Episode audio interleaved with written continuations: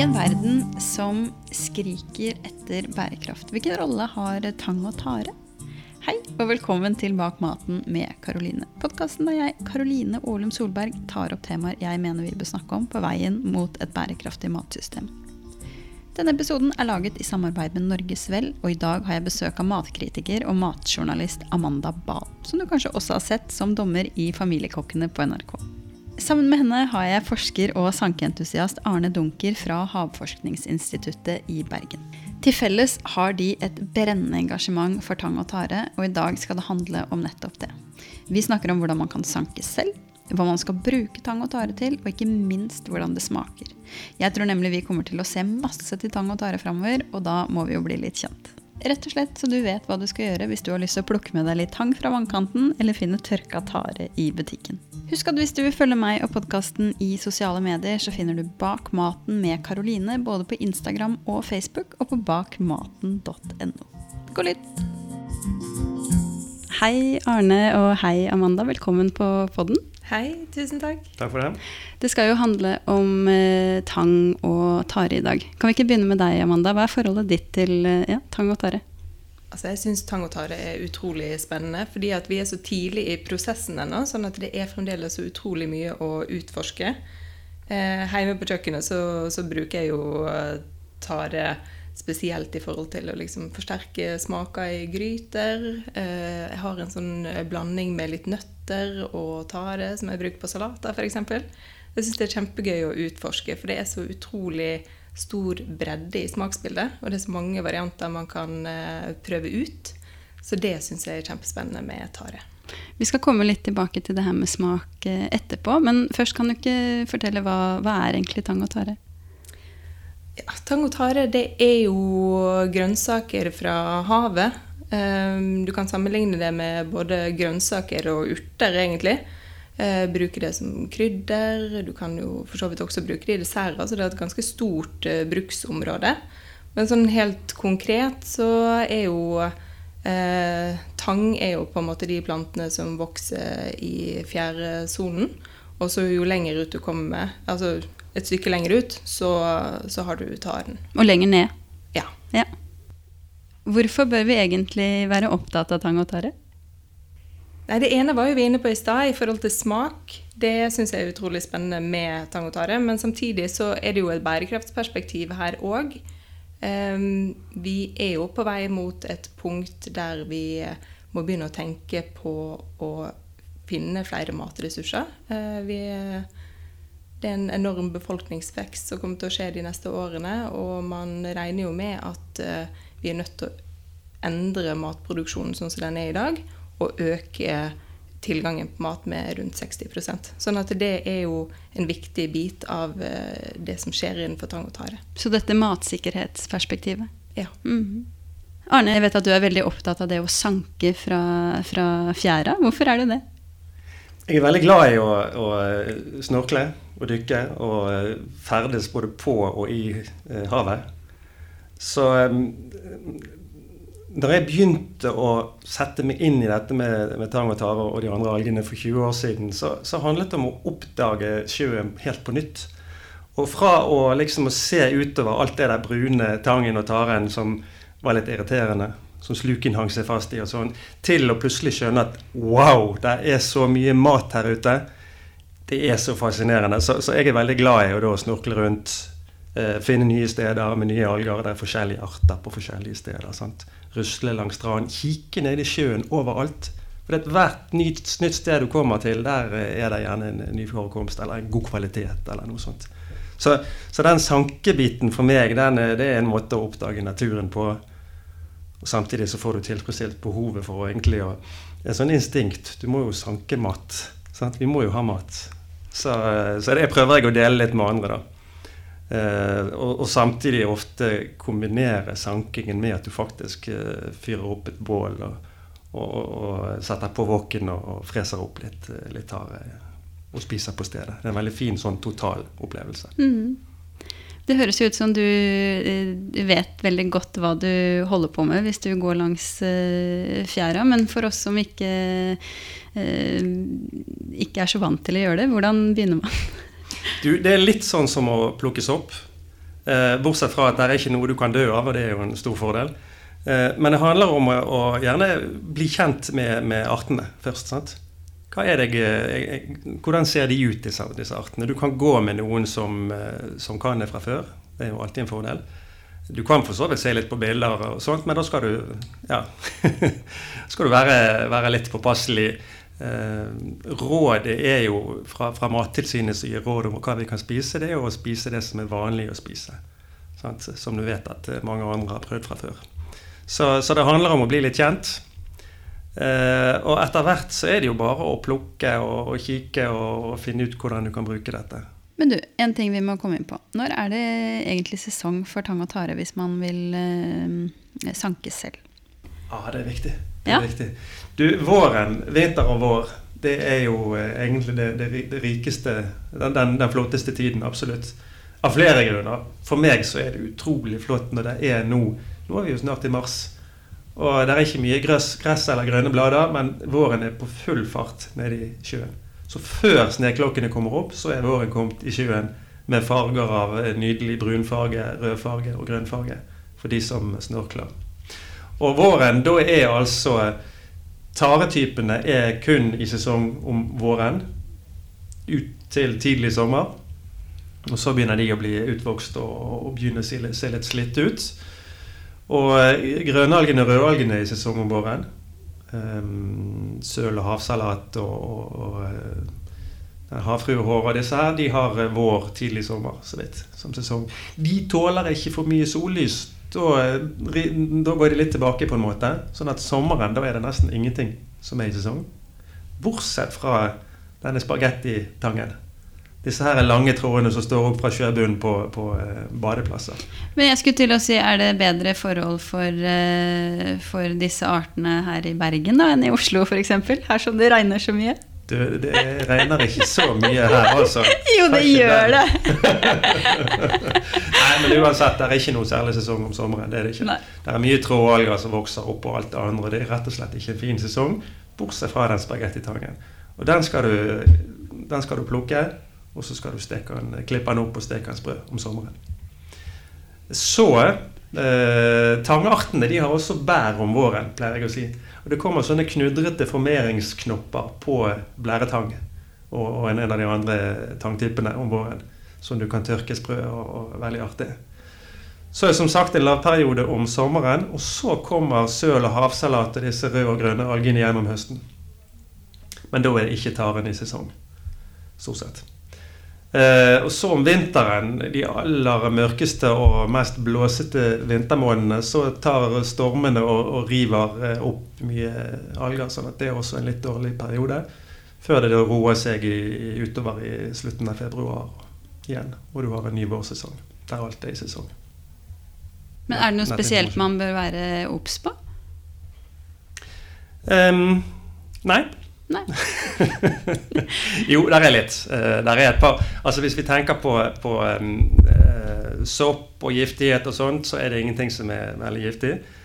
Eller som vi kaller akuttgiftig, med en gang giftig. Men uh, vi skal være klar over det at du skal ikke spise for mye tang og tare. Det er noe Mattilsynet er opptatt av.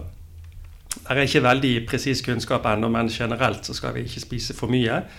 Eh, innholdet av jod er veldig høyt, spesielt i taresortene.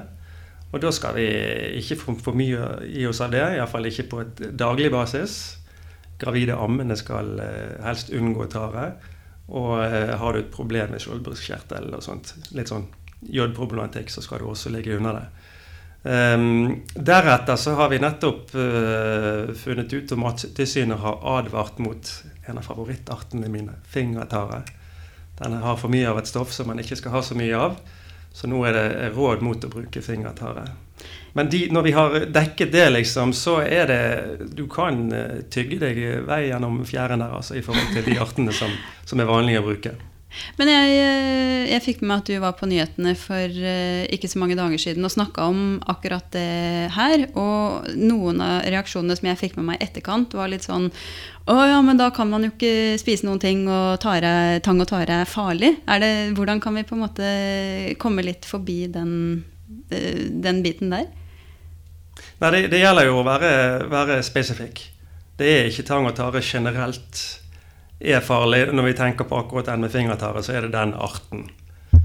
Um, men det er klart det at når noen hører at ja, dette er godt for deg, men eh, spiser du for mye jod, så er det ikke bra. Så er det veldig mange som ikke klarer å se det delte budskapet der. Um, og det gjelder alt. Uh, når vi jobber med sjømat og, og mattrygghet, så er det alltid et problem. Det er masse sunne stoffer der, men det er noen stoffer det vi ikke skal ha for mye av. Um, her tror jeg det gjelder å bare uh, sette seg inn i problematikken og, og, og ta i seg normale mengder med, med, med tang og tare, rett og slett. Ja. Uh, men jeg skjønner at noen blir skremt. Det gjør jeg.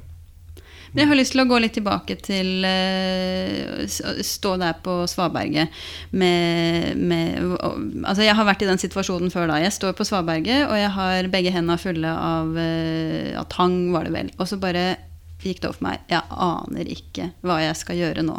Hvordan kommer jeg meg fra dette litt sånn slimete greiene i hånda til tallerken? da? Altså det er flere måter du kan ta vare på det på. Det ene du kan gjøre, er å legge det på salt, f.eks. Eh, sette det kjølig. Da holder det seg veldig lenge. altså strø på salt eller salt saltvann? vann? Eh, nei, du legger det i salt, eh, på salt, dekker det til, eh, og så setter det kjølig. For da holder det seg veldig lenge. Og da kan du bare hente det frem igjen og så skylle det en times tid før du bruker det igjen. Da beholder du veldig mye av teksturen i det. Det er veldig vanlig å tørke det, og det kan du jo gjøre for så vidt eh, Du kan gjøre det i ovn, men du kan jo også lufttørke det. Det tar bare lengre tid. Noe, hvis du har litt grann tang, så er det greit å, å tørke det i ovnen. og sånt. Men mm. når jeg først er ute og sanker tare, så snakker vi om bæreposer. Og Da er det viktig for meg å planlegge, for da vil jeg tørke det ute. Jeg henger det over en snor ute. Mm. Men her på Vestlandet så må du planlegge at da går du ut og sanker tare først og fremst når det er lavvann. Og i andre omgang så må det være nordavind og klart vær. Ja, ja. Ellers så mm. tørker det ikke. Men tørker du det på en, på en, fin vårdag, så henger du det opp en dag, og så kan du hente det inn igjen ferdig tørket dagen etterpå. Mm. Mm. Bare det, det du ikke... trenger da, det er jo på en måte sirkulasjon av luft sant, for at det skal tørke på en grei måte. Ja, ja. Du må ha litt, eh, må ha litt Altså, når du, er, når du, er, ute, så er det nok sirkulasjon av luft. Mm. Det er det. Eh, er det inne, så vil jeg ikke anbefale å tørke tare, for den gir fra seg en veldig sånn kraftig lukt det første halve døgnet. Så det vil jeg foreslå ute. Mens tang, søl, havsalat og dette kan du helt fint tørke inne. På mm. tørkestativ, i ovnen, hva som helst. Bare det er litt grann i luft. Så da har vi eh, tørking, som er én eh, måte å, å konservere på. Og legge på salt, som du sier. Så la oss si vi står der på kjøkkenet og har eh, skylt det i en time, som du sa. Hva gjør vi, hva gjør vi derfra?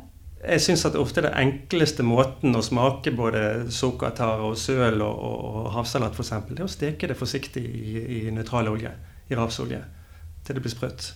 For da får du frem den umamismaken, det salte. Du får det gjerne så sprøtt at det knaser i munnen. Så, så egentlig så tenker jeg det er det første du skal gjøre. Hvis du skal lære hva er dette for noe, hvordan smaker det? Og så kan du jo bruke det på så veldig mange måter i tillegg til det. Og skal du bruke umamien, så f.eks. Å, ha det i kryddersmør, i krydder, eller yrtesmør, da. Masse tare sammen med litt chili og sitron. Og så ta det over en sjøkreps som du baker i ovnen. Det blir jo bare så him Altså Den søtsmaken i sjøkrepsen kommer så mye tydeligere frem. Ah, må ha tare i, i urtesmøret. Og den umamien den kommer jo også veldig godt med i bakverk, f.eks. Altså hvis du bruker det f.eks. i vannet som du skal bake med, eller væsken. Eh, la det trekke litt, f.eks. Eller du kan bruke det som, som tørket der òg. Mm. Det gir en veldig god smak til bakverk. Oh, brød med masse havsalat i. Altså, da, da, lager du et eh, flak av, av havsalat, knuser det godt. Blender jeg ganske mye i den deigen der. Og når du har det brødet der, og så legger du hjemmelaget rekesalat oppå det, det er et sånt smakssamspill som er så gøy.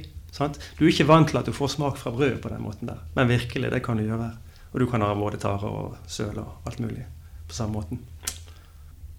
Så du kan bruke det på veldig mange forskjellige vis. Du kan fritere det, du kan steike det i panne, du kan koke det. Um, så du kan jo bruke det til både altså, som tilbehør, f.eks., men du kan også bruke det rett og slett som, som pulver, som dryss i maten. Eh, det du får ved å, å bruke tare på forskjellig vis, er jo både farge og konsistens til rettene, som kan være en, en spennende måte å jobbe med det på. Ja, du må, al du må alltid ha noe pulver stående. Sant? Du kan ha, og når du har tørket disse algene, så kan du fint uh, kjøre i din blender, og så lager du det der pulveret eller flakene. Og Det skal stå i krydderhyllen. Sant? Det er standard. Det bruker du til veldig mye. Både til uh, saltmat og søtmat og ja. For da snakker vi litt om den her umami-smaken. Yeah. Mm, hva, hva, er det, Amanda? Umami er jo den femte smaken. Altså du har uh, salt og søtt og surt og bittert, og så har du umami. Og det begrepet det kom jo egentlig først opp med en forsker rundt ja, tidlig 1900-tallet. Eh, og har blitt mye brukt i eh, Japan. altså Det var en japansk forsker som, som, kom frem til det her.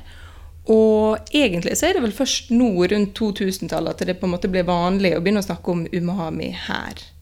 Eh, og det som er så gøy med umami, er jo at holdt på å si, det er jo alt som er digg. Det er jo parmesan, det er sopp, det er soltørka tomater.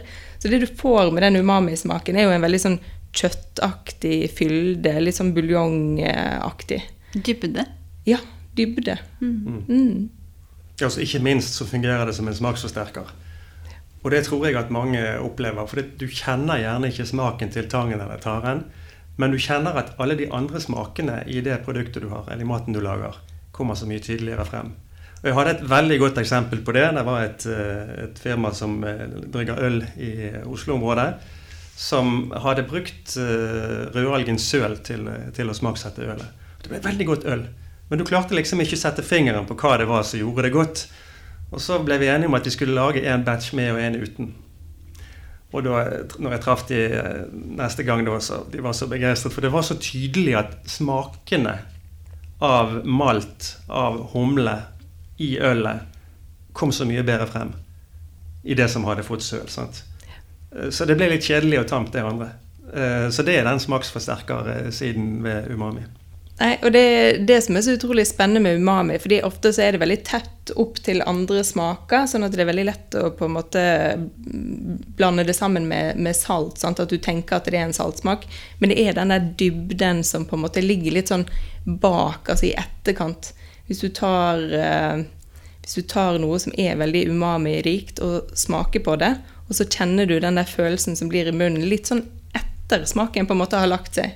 Da har du den umami-smaken. Men det høres jo ut som et, eh, en, en gullbillett for uh, kokker? Ja, jeg tror kanskje det er derfor det er så utrolig spennende for kokkene å jobbe med nå. Det skjer utrolig mye på Tare rundt omkring på restaurantene nå. Eh, nå sitter vi i Bergen, og spesielt her så eksperimenteres det utrolig mye på kjøkkenet rundt omkring med bruk av tare i alt fra eh, kraft til hvordan du kan bruke det i desserter. Um, en ting som er litt gøy med tare, er jo akkurat det at du kan eh, bruke det som en type grillfolie. Du kan pakke inn ting i det og få smak fra taren på den måten òg. Um, så alt det her er teknikker som det jobbes utrolig mye med nå. Ja, Er det mange restauranter som bruker, uh, bruker tang og tare? Ja, det er det. Og det tenker jeg er utrolig viktig, for det er gjerne der veldig mange vil smake det for første gang. Ja. Terskelen er kanskje litt større for å hoppe i havet sjøl og mm. begynne å sanke, eller å kanskje gå på en nettbutikk. Altså, det er jo veldig tilgjengelig å kjøpe også. Men, eh, men, det å spise på restaurant og bestille en rett der med, med tare kan være et fint sted å begynne, bare for å bli kjent med smakene. Og du stoler jo mye mer på kokkene enn om det står en eller annen forsker og trekker opp tanga ved møtet. sant? Så, Snakker du om deg selv, da? Ja. jeg har vært så heldig å få jobbe med mange av bergenskokkene og andre kokker. Og du ser med en gang at folk eh, de, de, de kjøper det som kokkene serverer. Altså. Det, da er det greit. Eh, og, og, kokkene har jo en evne til å gjøre gull ut av dette, uansett hva de, de, de gjør omtrent. Så det er jo en veldig spennende måte å få det tilgjengelig. Og jeg opplever jo også Det er mye annen mye ny mat som eh, folk er interessert i nå. Det er jo kjempespennende. De er jo interessert i nye typer skjell og kråkeboller og sjøpølser og, og, alt dette nye fra havet som vi egentlig ønsker at folk skal bruke, som er lavt i næringskjeden. Og da, er det, da er det viktig at vi bruker kokkene til å introdusere det til folk. De går god for at dette her er- kan vi lage mat av, og gi litt eksempler. Og så etter hvert kan folk prøve hjemme. Det tror jeg er en veldig vanlig måte å introdusere ny mat på.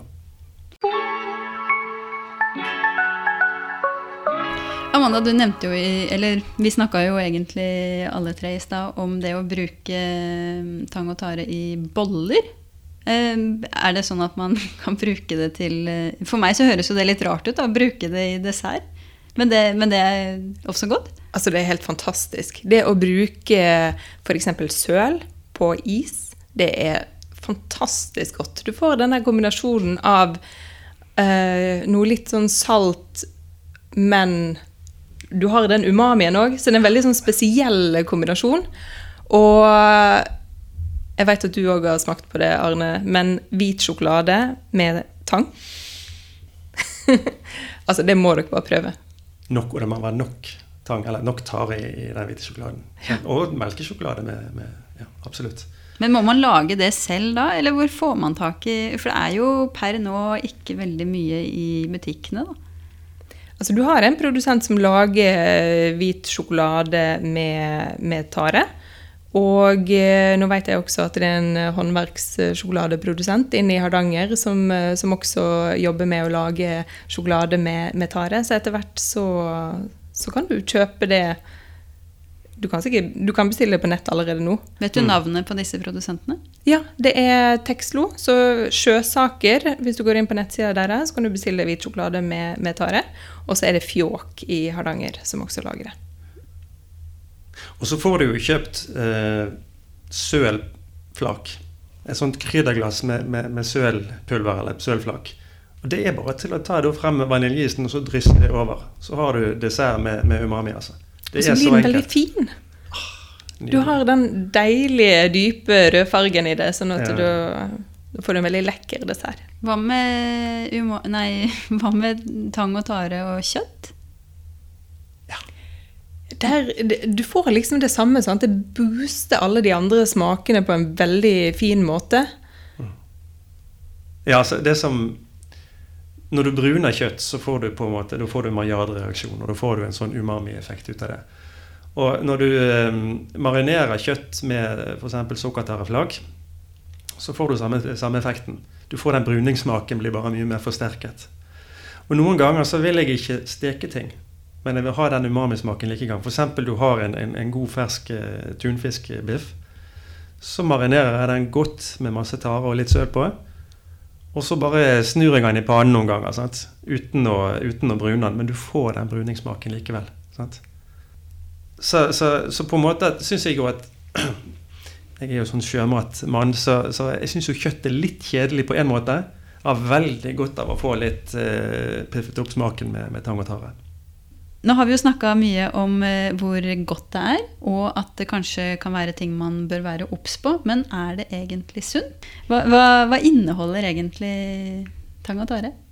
Tang og tare, disse sjøplantene, de vokser jo i havet, og der er alle mineralene. Så de inneholder mer mineraler enn noen annen matgruppe, rett og slett. Og mineraler er viktig. Det er for lite jod i befolkningen i hele Europa, eh, stort sett. Og, Så man skal ikke være redd for denne joden? Jo, for mye jod er gale, og for lite jod er gale. Så vi skal helst ta eh, litt passelig. Men eh, så lenge vi spiser for lite, eh, oss for lite jod, så kan en del produkter, sånn som søl og havsalat og tangprodukter, er relativt moderat på jod. Og eh, får vi litt av det inn i kostholdet, så får vi dekket inn jodbehovet. Det gjør vi.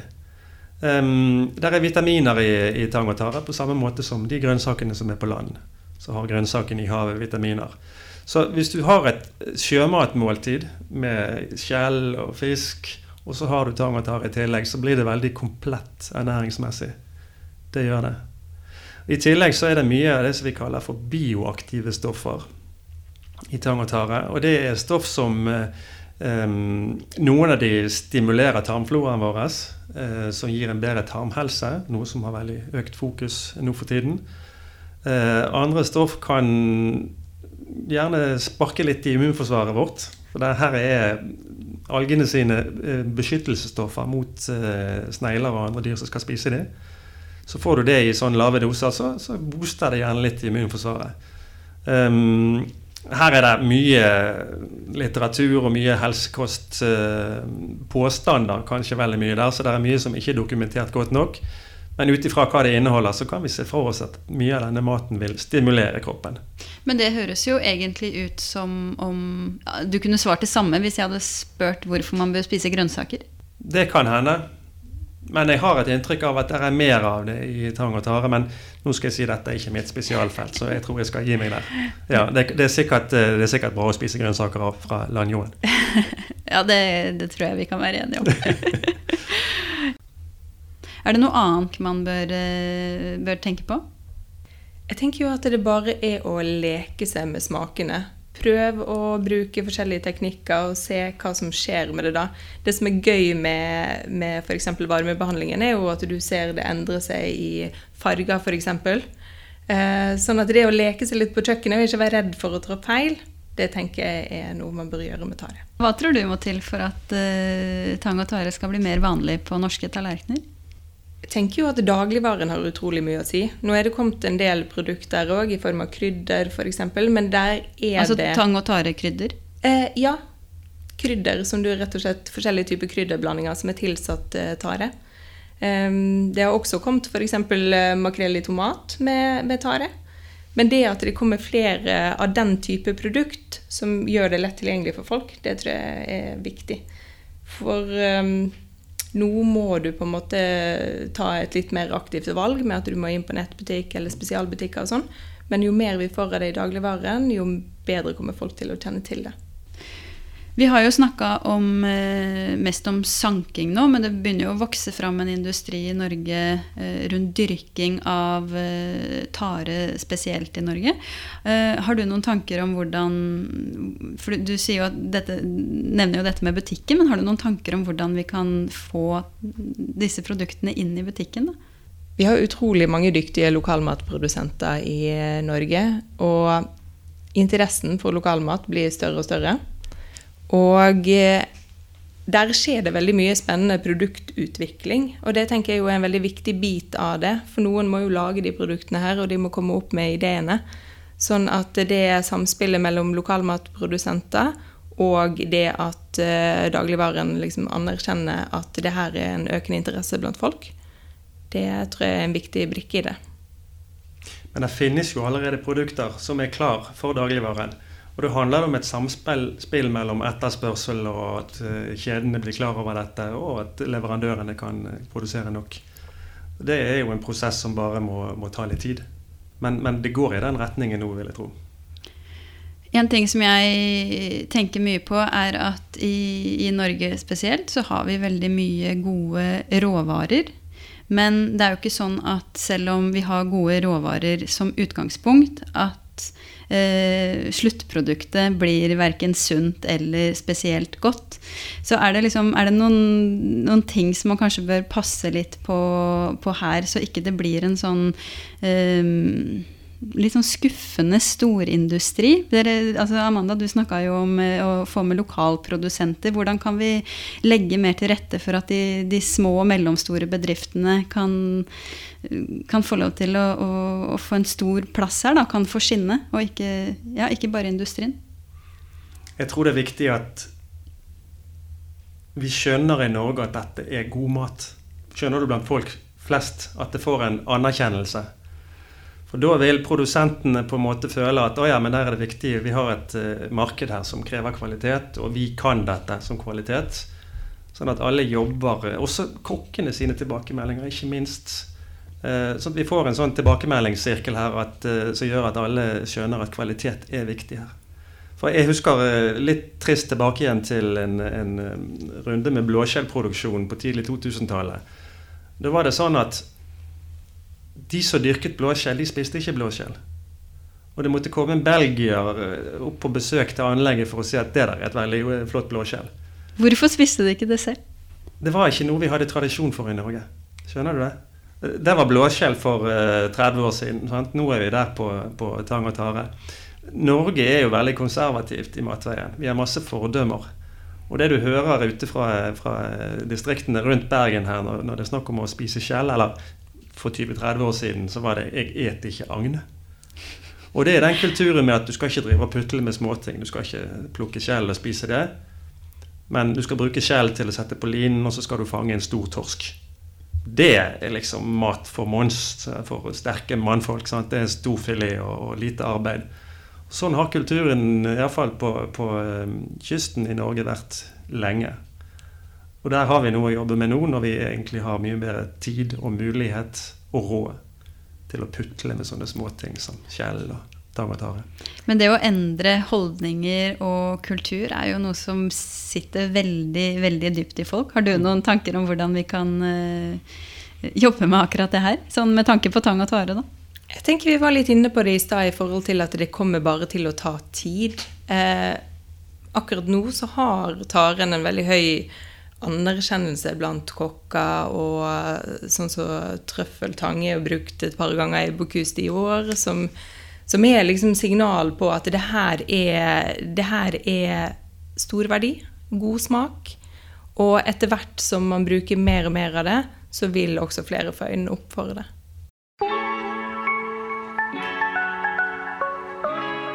Jeg opplever ofte at når man snakker om bærekraftig mat, så er det litt sånn å finne tilbake til røttene og gamle tradisjoner og sånn. Men dette med tang og tare, er det egentlig å utforske noe helt nytt?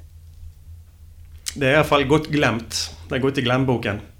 Eh, tang og tare har vært brukt i Norge og i resten av Europa. Um, men ikke på den måten som det gjøres nå. Kan du si litt om den, den, forskjellen? Hvordan har det blitt brukt? og hvordan... Vi har jo snakka litt om ja. hvordan vi bruker det nå. Problemet i Norge er at vi, vi, vi fôrer jo heller ting til dyrene enn å spise sjøl av disse gourmetråstoffene. Sånn at ord som grisetang og butare f.eks., det, det viser jo at dette blir gitt til, til dyrene. Men vi har én eh, alge, som er denne rødalgen søl som, som, virkelig var verdsatt. Og um, vikingtiden, både før og etter for så vidt, så du har bl.a. i lovverket dette at du eier så langt ned i fjæren som en hest kan vasse. Og det å eie en søl fjære, det var en stor rikdom. Um, og det ble brukt så, så mye, eh, men for vikingene i den perioden de dro eh, lange ferder på sjøen, så var det veldig viktig å ha søl, for hadde ikke du tørket søl med deg i tønne på båt, så døde du av skjørbuk når det var gått to uker.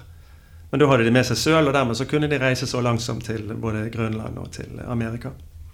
Eh, siden de hadde søl som C-vitaminkilde. Veldig holdbar C-vitaminkilde. Så den, den, har jo vært brukt, og den har jo for så vidt overlevd eh, Ikke Norge, men eh, Island. Absolutt.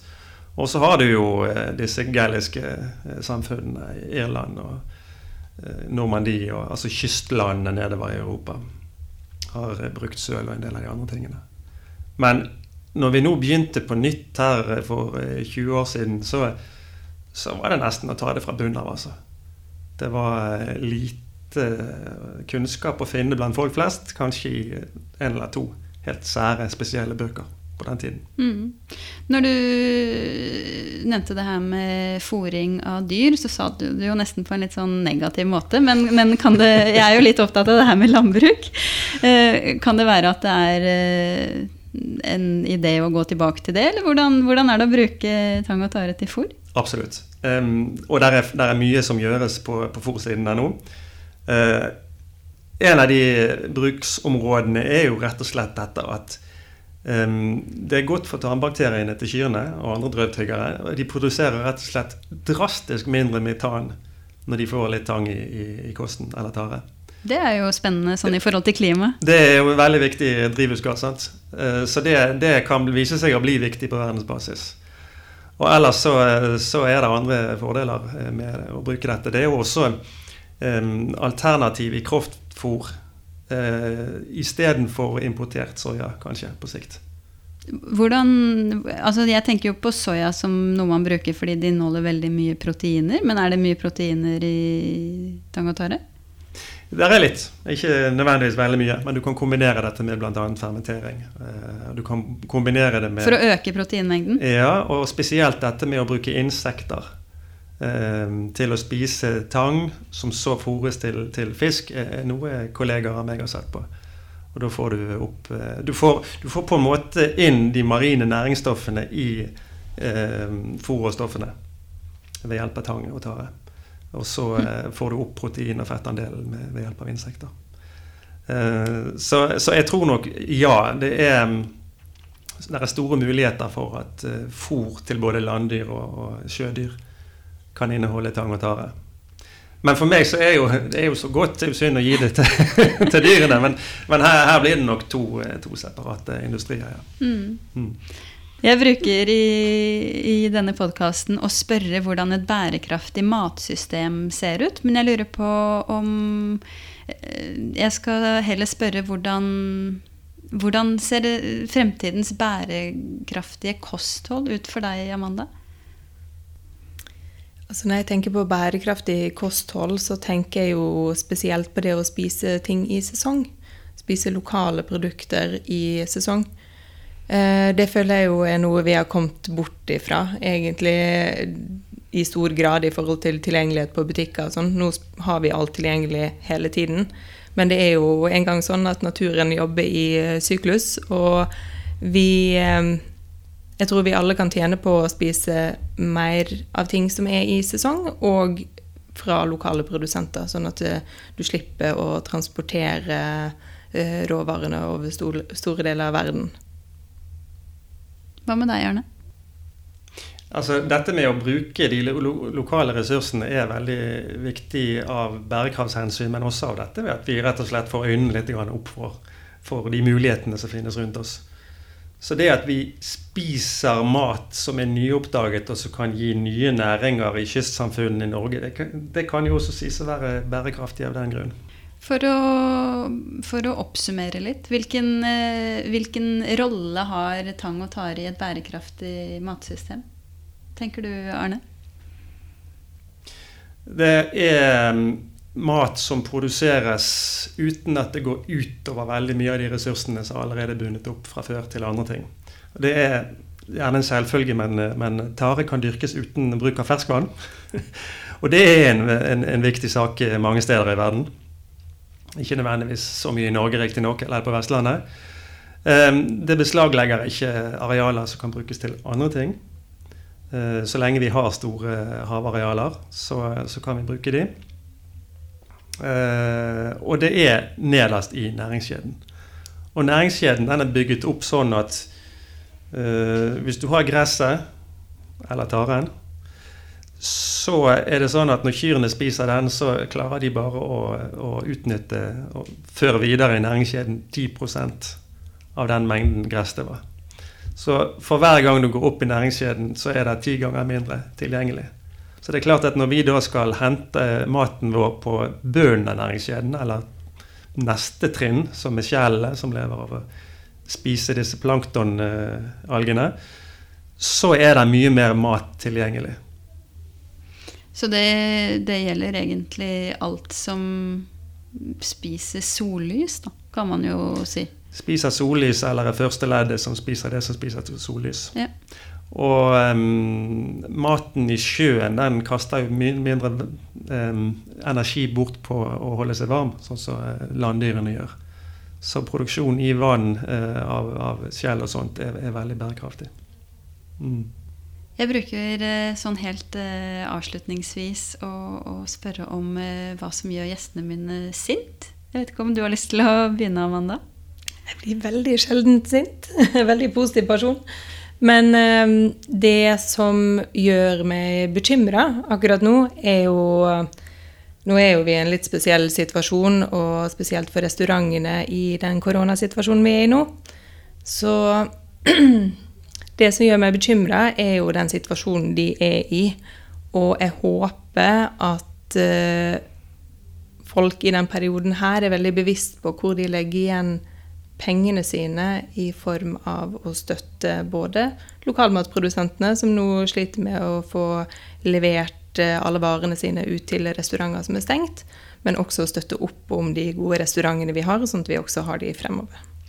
Og det gjelder vel kanskje også selv om man hører på den podkasten her og vi ikke lenger er i en så seriøs eh, koronasituasjon som, eh, som det vi er akkurat nå. For det, det handler jo kanskje om å å få de opp på beina igjen over lengre tid, da, de som, Ja. de som nå ligger nede. Altså Konsekvensen av det her vil jo vare i lang tid fremover. Um, for restaurantene så er det veldig mange som har tatt opp uh, lån for å uh, komme seg gjennom den situasjonen akkurat nå, og det skal de betale ned i løpet av tre år fremover. Sånn at det er jo et veldig langsiktig perspektiv på det. Mm. Hva med deg, Jørne? Du, jeg blir av og til litt sint når jeg hører at folk har vært på eh, ferie i Spania og Frankrike, og der tør de å spise all denne sjømaten som er litt rar. For det gjør jo franskmennene. Men så kommer de hjem og så Nei, jeg tør ikke spise det vi har her hjemme. Så jeg håper at det norske folket etter hvert nå vil bli mye flinkere til å oppdage at den kjempeflotte kvaliteten av den nye sjømaten langs kysten her, den spiser vi her i Norge. Vi har jo litt kyst i Norge. Masse kyst og lite folk, så vi kan velte oss i all den gode sjømaten her, så du faktisk kan til og med hente selv. Og det er luksus. Hva gir deg håp, da, Arne? Ja, i, i denne sammenheng så er jo håpet at det er veldig mange flere nå enn for 20 år siden som tør å prøve dette nye. Og når jeg hører en, en jeg kjenner som sto på en oljemesse eh, Sikkert masse folk med slips og sånn, tenker jeg. Og så står han der og demonstrerer åpning av kråkeboller og, og serverer kråkebollerogn, som, som er egentlig mat for viderekomne. Og da står det kø av slipskledde folk for å smake kråkeboller. Da er det håp. Hva med deg, Amanda? Helt til slutt. Det gir meg veldig håp å se at det er så utrolig mange som har funnet tilbake til kjøkkenet og til måltidet sammen som familie nå. Og den interessen og engasjementet som er rundt lokal mat og drikke, det syns jeg er veldig lovende. Tusen, tusen takk for at dere var med, begge to. Takk. Si, si, kan du si takk? Takk. Eller et eller annet. Det kan vi godt. Det er, det Jeg er er, så vant til radio. Da, kommer denne jinglen. Ja, ja, Takk til deg, Takk for at du hørte på denne podkasten som er laget av meg, Karoline Aalum Solberg, i samarbeid med Norgesvel. Musikken er laget av Creo og Li Rosever. Dere finner meg og podkasten på Instagram bakmaten.no og på karoline at bakmaten.no. Vi snakkes.